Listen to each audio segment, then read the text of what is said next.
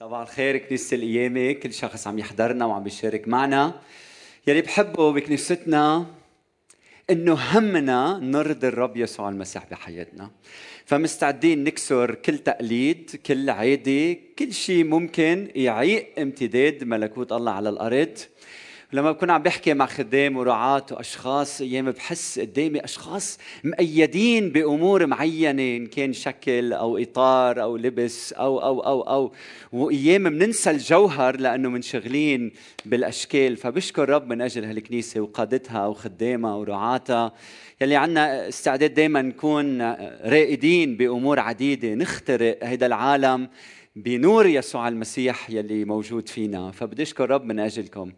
أنتم يلي بتحضروا هون يلي بتحضرونا من 100 محل حول بلبنان والشرق وبالعالم. وبدي أشكر ال SAT سبعة وبي Light FM وكل شخص عم بيساعدنا لنوصل رسالة الإنجيل إلى هذا العالم. اليوم بنعمة الرب بدنا نبدأ سلسلة جديدة حول أخلاق الملكوت مثل ما سمعنا من إنعام قبل شوي. وعنوان موضوعي هو هل أنا متهم بالقتل؟ شو رأيكم هل أنا متهم بالقتل؟ فخلينا مع بعض ندرس هالموضوع ونتأمل فيه. هذا بفيدنا كلنا. كل شخص عم يسمعنا. آه، اوعى تفكر هالموضوع ما بيصيبك. بيصيب كل واحد منا. فاليوم موضوعي مقسوم لثلاث أقسام. أول شيء رح أحكي عن وصية القتل. وبعدين رح ادخل في العمق لحتى نفهم هيدي الوصية بعمقها مثل ما علمها الرب يسوع المسيح. وبعدين بنروح على التطبيقات. كيف كيف فينا نحمي حالنا من الوقوع بهذا الجرم؟ أوكي؟ واضح؟ بإنجيل متى الفصل الخامس؟ إذا نحن وصلنا عم ندرس إنجيل متى بتعرفوا هالسنة بعدنا بالفصل الخامس ورح تخلص السنة فيمكن بدنا أربع خمس سنين بعد. فإنجيل متى الفصل الخامس؟ العدد 21 مكتوب سمعتم أنه قيل لآبائكم للقدماء لآبائكم لا تقتل. فمن يقتل يستوجب حكم القاضي. فخلينا نتأمل شوي بخلفية هالآية. الرب يسوع المسيح عم يحكي مع تلاميذه يعني من 2000 سنة لورا. عم يحكي عن شيء صار من 3500 سنة لورا. هو لما الله أعطى الوصايا لموسى على جبل سيناء للشعب وكان بهالوصايا في وصية بتقول لا تقتل. ولما بنتأمل بالسياق بنشوف إنه كانوا آنذاك القبائل يقتلوا بعضهم انتقاما. كانت القبيلة آه، تثأر أو تنتقم من قبيلة ثانية بالقتل. والله لما أعطى هيدي الوصية بهداك الوقت هيدي الوصية هالكلام كان كلام ثوري راديكالي. في تغيير جذري للمجتمع اللي عايشين فيه يلي بيقول لا تقتل. واو شو حلوة. كان فيها بعد نظر كثير مهم. نحن اليوم بنقريها بنقول أكيد لا تقتل. لا بهديك الأيام لما الله قال لا تقتل كانت شغلة كثير كبيرة. ليش لا تقتل؟ لا تقتل لأنه لما أنت بتقتل الإنسان أنت مش بس عم تقتل لحم ودم أنت عم تقتل صورة الله على الأرض. أنت عم تقتل الإبداع عم تقتل الحياة الموجودة في الآخر. عم تنتبهوا معي؟ فالقتل شغلة كتير كبيرة ولما الله أعطى الوصايا وقال نحن لازم نحبه قالنا أنتم بتحبوني أول شيء أنه ما بتعملوا تمثال مصنوع أو صورة ما ورقم اثنين ما بتقتلوا صورة الحية الموجودة بالعالم أي الإنسان. فالوصية بتقول لا لا تقتل. والكلمة اليونانية المستخدمة هنا هي بتعني القتل المتعمد يعني خطف حياة الإنسان انتقاما. والله عم بيقول لا للثأر لا للانتقام. فممنوع أنه نقتل القاتل بطريقة غير مشروعة. ما لما بتعمل هيك أنت ما بترفع العار وما بتسترد العزة والكرامة إذا قتلت القاتل. بل المطلوب إنه تطالب بحقك لكن من خلال الالتجاء إلى القضاء المختص. ولما بنحكي عن القتل هذه العبارة تثير العديد من التساؤلات مش هيك؟ واحد هل مثلا إذا جندي مؤمن خاضع لقيادته فات العدو ليستحل أرضه ويعطى بأمر هيدا الجندي أنه يقتل أنه يطلق النار على العدو يفعل أم لا؟ هل إذا شخص مجرم دخل إلى السوق لحتى يفجر نفسه ويدمر كل شيء حول منه وأنت معك مسدس وشفت هيدا الشخص وعارف شو بده يعمل تطلق النار نعم أم لا؟ فإذا منفكر شو عم بيعلم الكتاب المقدس لازم نتذكر إنه لما هالوصية أعطيت بالماضي كان المقصود فيها إلى علاقة بسياق معين هو الجيرة. الجيرة يعني كيف أنا بدي عامل خي الإنسان؟ ولما الرب يسوع المسيح استخدمها استخدمها بنفس الإطار إنه كيف أنا لازم عامل الإنسان خيي؟ أنا ما بقتله. كيف بعامل جاري؟ كيف الموظف بعامل زميله؟ كيف أهل البيت بعاملوا بعضهم؟ ففي وصية كتير مهمة بصوت عالي الله عم بيقول لا للانتقام لا للقتل. الله لا يريدك إنك تخطف نفس الآخر. سؤال آخر يلي ممكن يخطر على بالنا هو هل في ضوء هيدي الآية ماذا عن قتل الجنين؟ الجنين. يعني اليوم بنعرف إنه في ناس قاعدين بلا شغل مش هيك؟ الزوج والزوجة قاعدين قبيل بعضهم بيتسلوا ببعضهم فاضيين ما عندهم شيء يعملوه. وعن خبرة عم لكم ممكن إنه المرأة تحبل من دون قصد. عن خبرة مش إنه زوجتي حبلت من دون قصد عن خبرة إنه عم بسمع إنه بيناتنا بسبب إنه في كورونا والعائله عايشة بالبيت عم بيصير في أخطاء. وايام الزوجة آه، بتكتشف أنها حبلى. فشو بنعمل بهالحالة؟ هل إذا الوضع الاقتصادي في ضوء هيدي الآية اللي عم نقريها هل الله بيرضى على الرجل لما بيجبر زوجته إنه تقتل جنينة؟ هل إذا وضعنا الاقتصادي الصعب هل هيدا مبرر لحتى نتخلص من الجنين الموجود؟ عطية الله لإلنا. في شاب صديق اجى لعندي ليلا وقال لي أم عندي خبرية بدي خبرك إياها. نحن عنا بنتين وزوجتي حبلة ووضعنا الاقتصادي ما بيسمح أبدا أنه يكون عنا ولد ثالث بهالوقت. فهيدي من فترة وقال لي إنه في فرق بالعمر وهيك فنحن اخذين قرار إنه نجهض الولد وبدنا بركتك. فأنا قلت قلت له شو عم تعمل؟ إياك تقوم بهذا العمل الله رح يباركك ورح يساعدك وما في حاجة تعمل هالشيء هيدا الشيء بعكس كلام ربنا. سألته هالولد منك ولا حدا اغتصب؟ هيدي الأم؟ لا لا هيدا ابننا. قلت له إياك تعمل هيدا العمل. ومزحت معه وقلت له بكرة الله بيطعمك صبي وبتصير تلعب football أنت وياه لأنه هو كتير بحب يلعب football.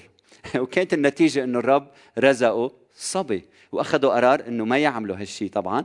وإجاهم صبي وسميه على اسم لاعب football مشهور. وكان هيدا الشيء بركة فعلا لحياته. كل يوم بيشكر الله أنه ما قام بهذا العمل. فإذا أنت حبلى اليوم وعم تسمعيني وتفاجأتي ويمكن هيدا الشيء وانتبهوا ما عم بحكي مع شخص معين بعرفه ابدا عم بحكي بشكل عام. فنحن عندنا بكنيستنا فريق للإرشاد بيقدر يساعدك بيقدر يساعدك إذا أنت عرفت إنه زوجتك بهالوضع حتى نساعدك لحتى ما تعمل غلط فوق يمكن الغلط يلي ما كان مقصود بالأول. وحتى لو أولادنا غير المتزوجين صغار بالسن شباب وصبايا إذا صبية من هالصبايا اكتشفت حالها بسبب إنه وقعت بخطية الزنا واكتشفت انها هي حبلى بدي إياك تعرف إنه نظرة الكنيسة لإلها تختلف عن نظرة العالم لإلها. وبتمنى إنه يكون في بكنيستنا نعمة فياضة إنه نقبل الفتاة النادمة التائبة انتبهوا عم قول نقبل نرحم الفتاة النادمة التائبة أرجوكم ككنيسة نحن كنيسة ونقبلها ونقدرها إنه هي ما قتلت جنينها ونحضنها هي وابنها ككنيسة. من هيك عنا أمات كبار بالعمر بكنيستنا يلي بيعرفوا كيف يربوا الأولاد وبيعرفوا كيف يحضنوا هيدا الطفل ويعل ويربوه ويعلموا الأم الصغيرة بالعمر كيف تهتم بطفلها. فنحن عنا حلول إذا وقعنا بهيدي المشكلة. وإذا أنت سبق لك ووقعتي بهالخطيه قتلتي جنينك هل يوجد مغفرة للتائب؟ شو رايكم طبعا الله بيرحم الإنسان فبدي شجعك شجعك أنت يلي يمكن فرضت على زوجتك إنك تجي وتعترف بخطيتك هيدي. مش كل يوم نحكي عن هذا الموضوع. تعترف بهيدي الخطية يلي عم بتطاردك باستمرار. ويمكن كل ما تحط رأسك على الوسادة بتتذكر أو بتشوف هيدا الجنين قدام عينيك. فأرجوك تعا واعترف بهالخطية لأنه الله بياخذ الخطية بيطرحها في أعماق البحار ولا يعود يذكرها فيما بعد. فبدي شجعك تاخذ هيدي الخطوة. وقديش مهم نحن يلي منعلم الشبيبة أو الشبيبة بيناتنا. قديش مهم الشبيبة يتعلموا كيف يحموا أجسادهم وكيف إنه يضل عنا هيدا الوعي. وما نسمح لحدا يدق بأجسادنا. ونبتعد عن السكر والمخدرات لحتى لا يفعل بنا ما لا نريد من دون وعي.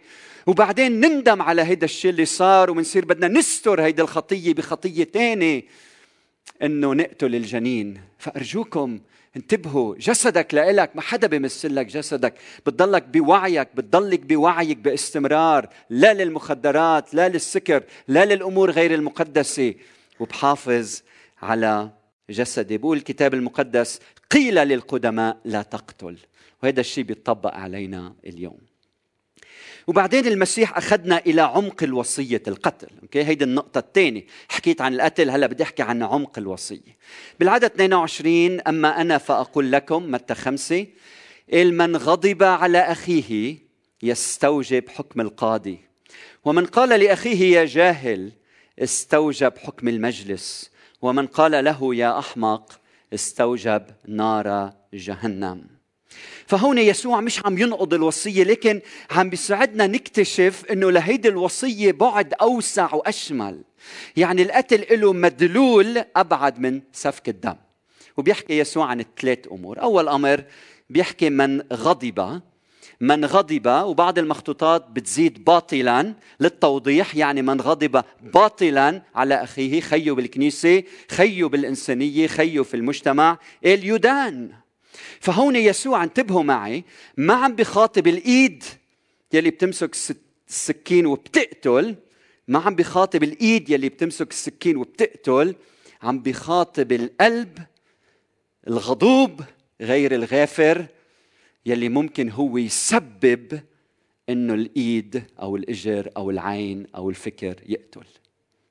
فعم يحكي مع القلب عم بيقول القلب بيبدأ القلب بيغضب والقتل بيبدأ بالغضب. لما القلب يغضب النتيجة بتكون القتل القتل. فيلي بيغضب على أخيه قبل ما يقوم بفعل القتل يدان ليه؟ انتبهوا معي لأنه الغضب مثل مادة نترات الأمونيوم يلي لما بتنفجر بتدمر كل شخص موجود في طريقها فيسوع عم بيقول انتبه الغضب اللي بقلبك هو جزء من القتل لأنه رح يقودك لفعل القتل. رقم اثنين ومن قال لأخيه يا جاهل وبالأصل الكلمة الركا يلي بتعني فارغ الرأس أو أبلة. بالدارج بنقول هيدا شخص ما تاخذوني بلا مخ ها؟ ففيك تقطع له راسه بتكون قتلته بس فيك تقتله بطريقة تانية لما بتقول له أنت بلا مخ. أنت أبلة. أنت فارغ الرأس. وهالألفاظ القبيحة اللي يسوع لما منقولها كأنه نحن عم نقتل كمان في دي دينونة يدان الشخص اللي بيعمل هيك.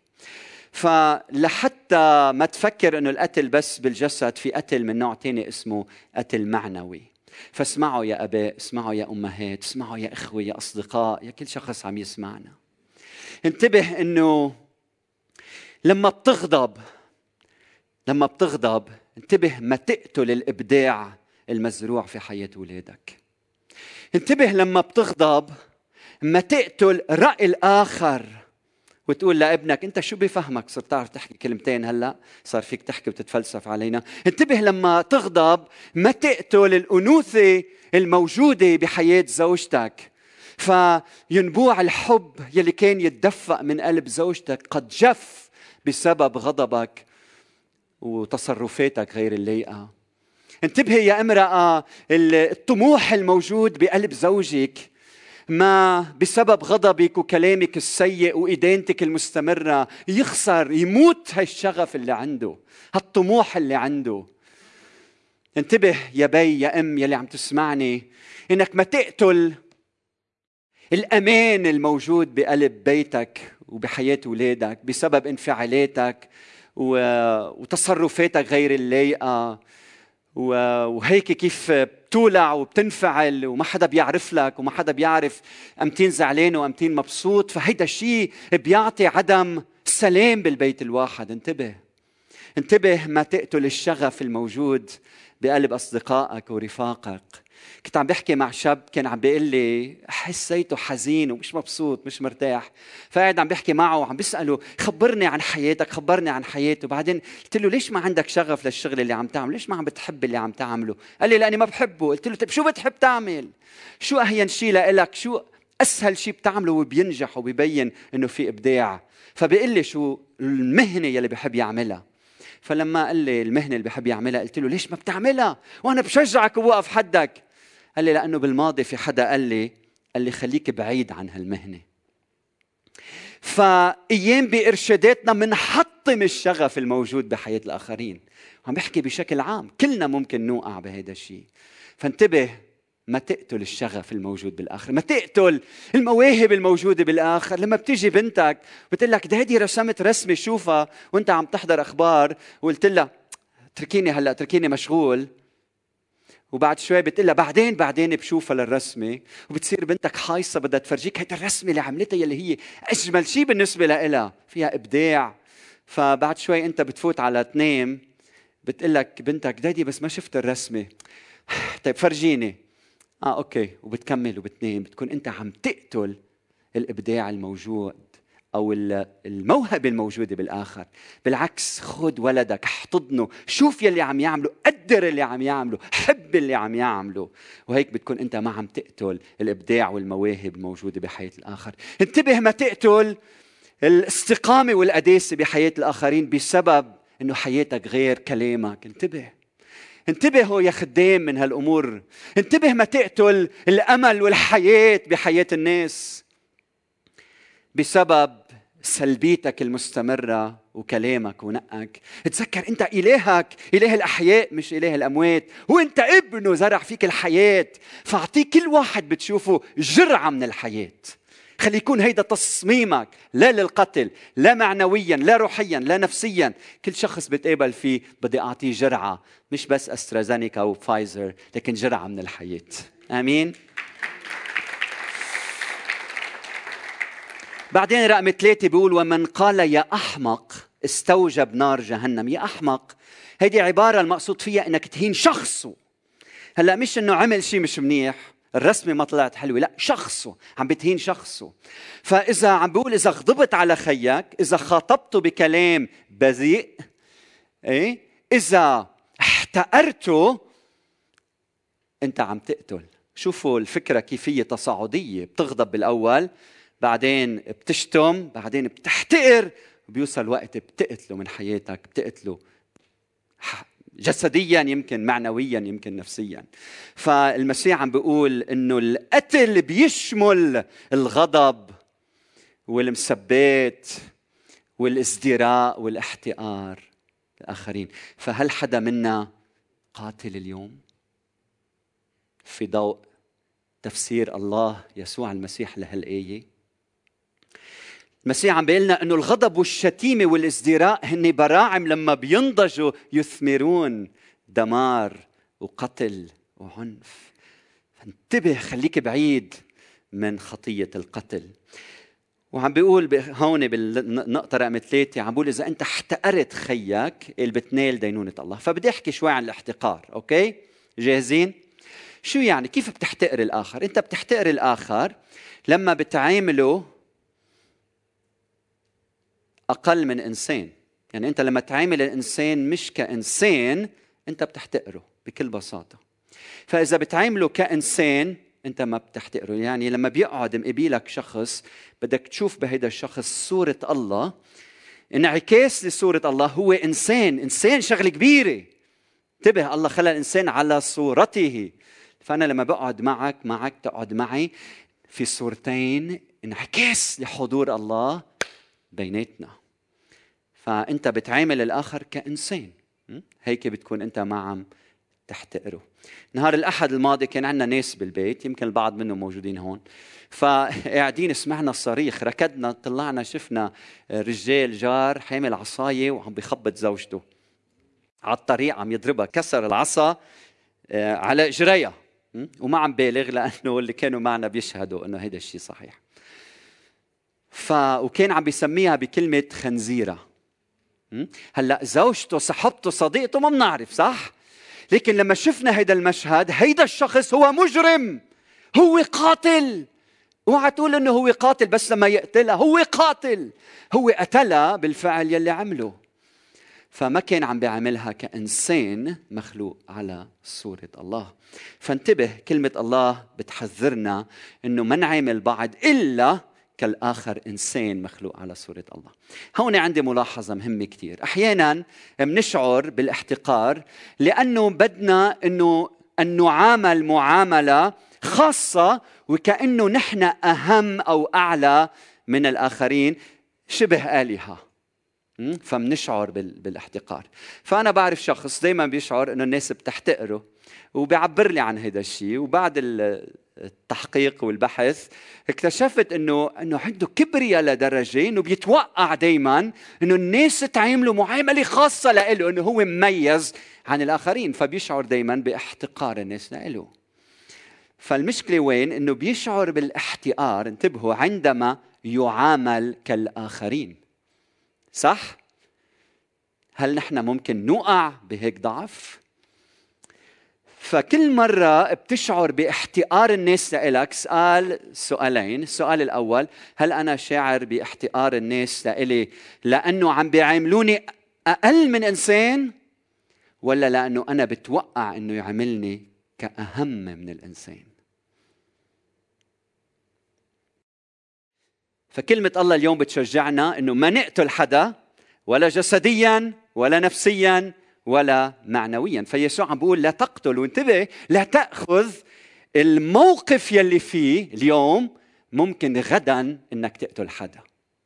ما تأخذ الموقف. مش بس ما تقتل لا ما تأخذ موقف إنه بكرة تقتل حدا. طيب شو هو الموقف اللي لازم اخذه بجاوب يسوع عن هالسؤال بالعدد 23 24 بيقول وهيدي النقطة الثالثة من عظتي بيقول فإذا كنت تقدم قربانك إلى المذبح وتذكرت هناك أن لأخيك شيئا عليك.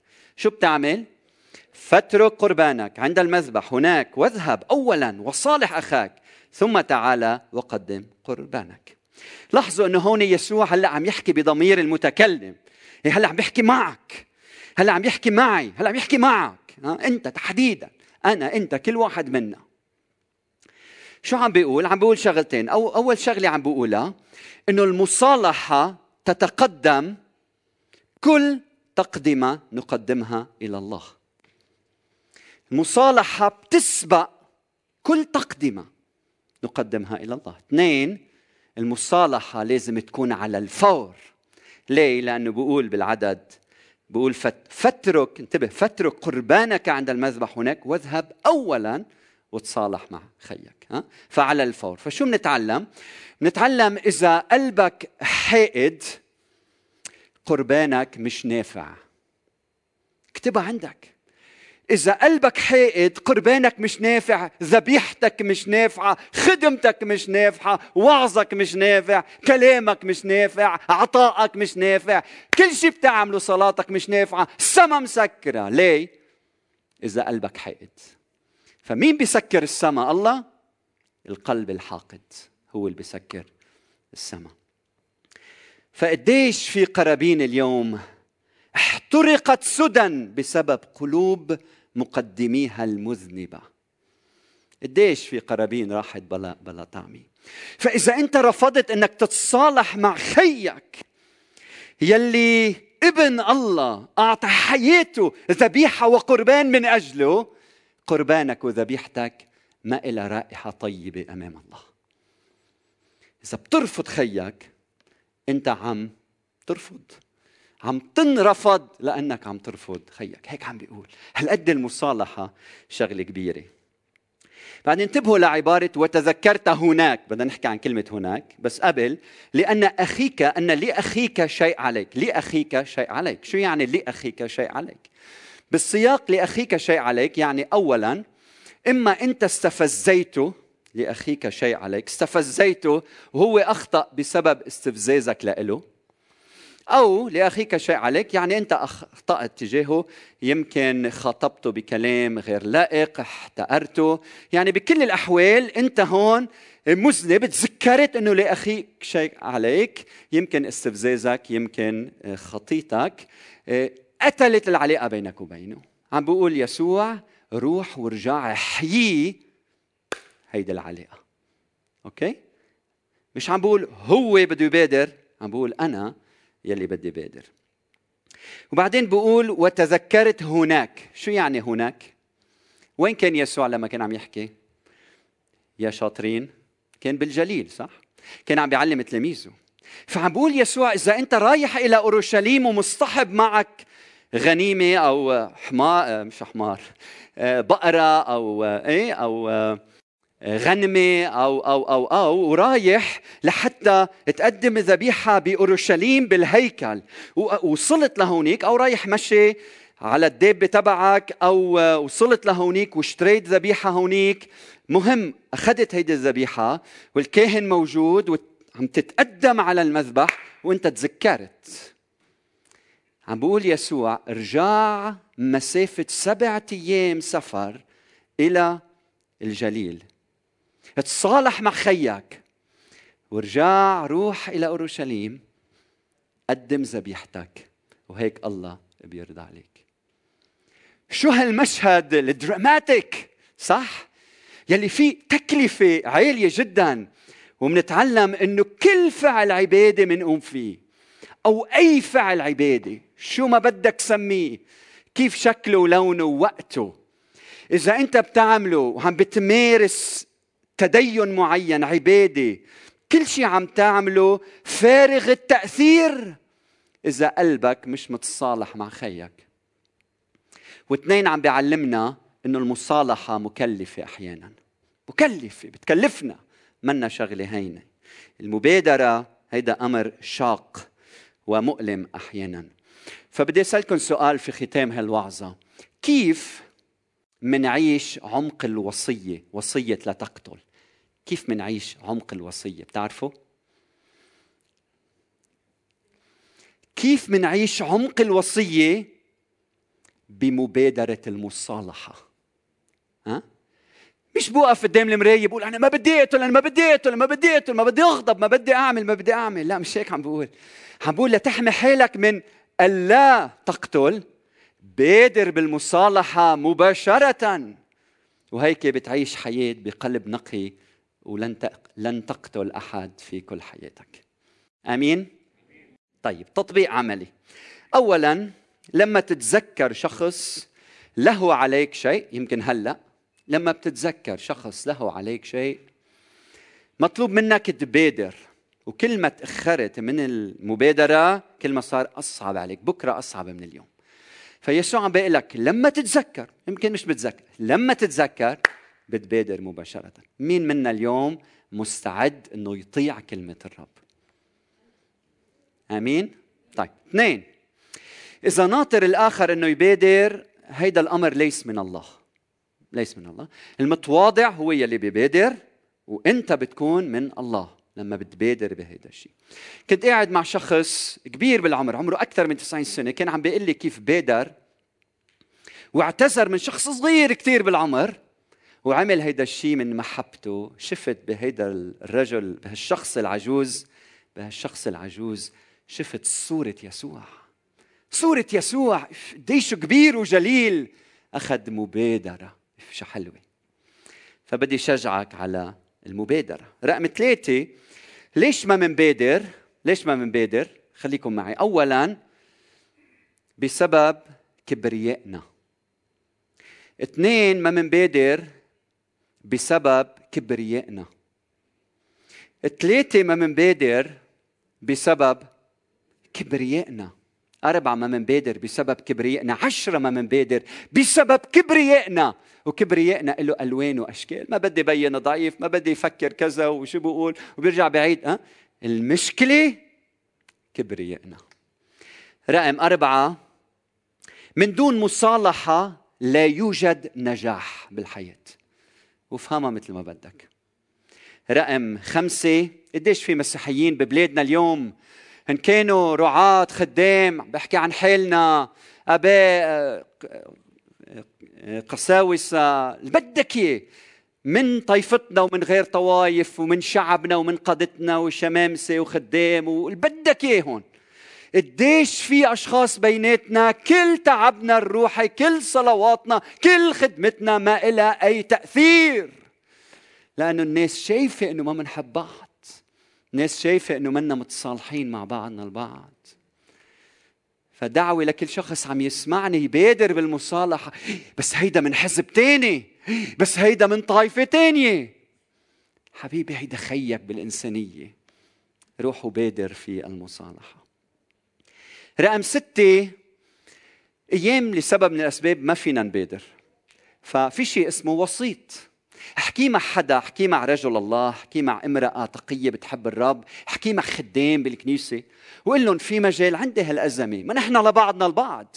خلي حدا يساعدك إنه يكون هالجسر العبور بينك وبين الآخر. وأخيرا المصالحة بتتضمن الإصغاء الجيد. فنحن لما نروح للمصالحة نحن رايحين للمصالحة مش للمصارعة. تعرف شو الفرق بين المصالحة والمصارعة؟ فأنت رايح للمصالحة. من هيك الإصغاء شيء مهم التعاطف مع الآخر شيء مهم. إنك تغفر شغلة كثير كبيرة. إنك تعاتب شغلة مهمة. إنك ما تخلي شيء بقلبك شغلة ضرورية. لأنه في كثير ناس بيتصالحوا بعدين بيروحوا بيحكوا على بعضهم بعدين بيروحوا بس يا خيي أنا بعدني متضايق. مصالحة مش هيك مصالحة في غفران في مسامحة في عتاب في صدق في حقيقة. وبعدين بدي أغفر على الرغم من كل شيء وبكب كل شيء ورا ظهري وبمشي للأمام. وما تقول لي ما فيك مبلا فيك. صدقني فيك. وما فيني ما أختم موضوع اليوم من دون ما أتذكر رب المجد. الذي إذ كان في صورة الله. لم يحسب خلسة أن يكون معادلا لله لكنه أخلى نفسه. من أجل شو؟ المصالحة. آخذا صورة عبد صائرا في شبه الناس. وجد في الهيئة كإنسان. وضع نفسه وأطاع حتى الموت موت الرب يسوع المسيح. قروا معي هالآيات. ولكن الله أخوتي بوقار. خلينا نقريهم بوقار واحترام. لكن الله بين محبته لنا. إذ ونحن بعد خطاط مات المسيح لأجلنا. لأنه إن كنا ونحن أعداء انتبهوا لكل كلمة قد صلحنا مع الله بموت ابنه فبالأولى كثيرا ونحن مصالحون نخلص بحياته. اذا إن كان أحد في المسيح فهو خليقه جديده الأشياء العتيقة قد مضت. هو ذا الكل قد صار جديدا. ولكن الكل من الله الذي صالحنا لنفسه بيسوع المسيح وأعطانا خدمة المصالحة. أي إن الله كان في المسيح مصالحا العالم لنفسه غير حاسب لهم خطاياهم وواضع فينا كلمة المصالحة إذا نسعى كسفراء عن المسيح. كأن الله يعظ بنا نطلب عن المسيح. تصالحوا تصالحوا مع الله لأنه جعل الذي لم يعرف خطية خطية لأجلنا لنصير بر الله فيه. بداية سفر التكوين مين أخطأ؟ آدم ولا الله؟ وبسفر التكوين مين بادر من أجل الإنسان؟ الله ولا الإنسان.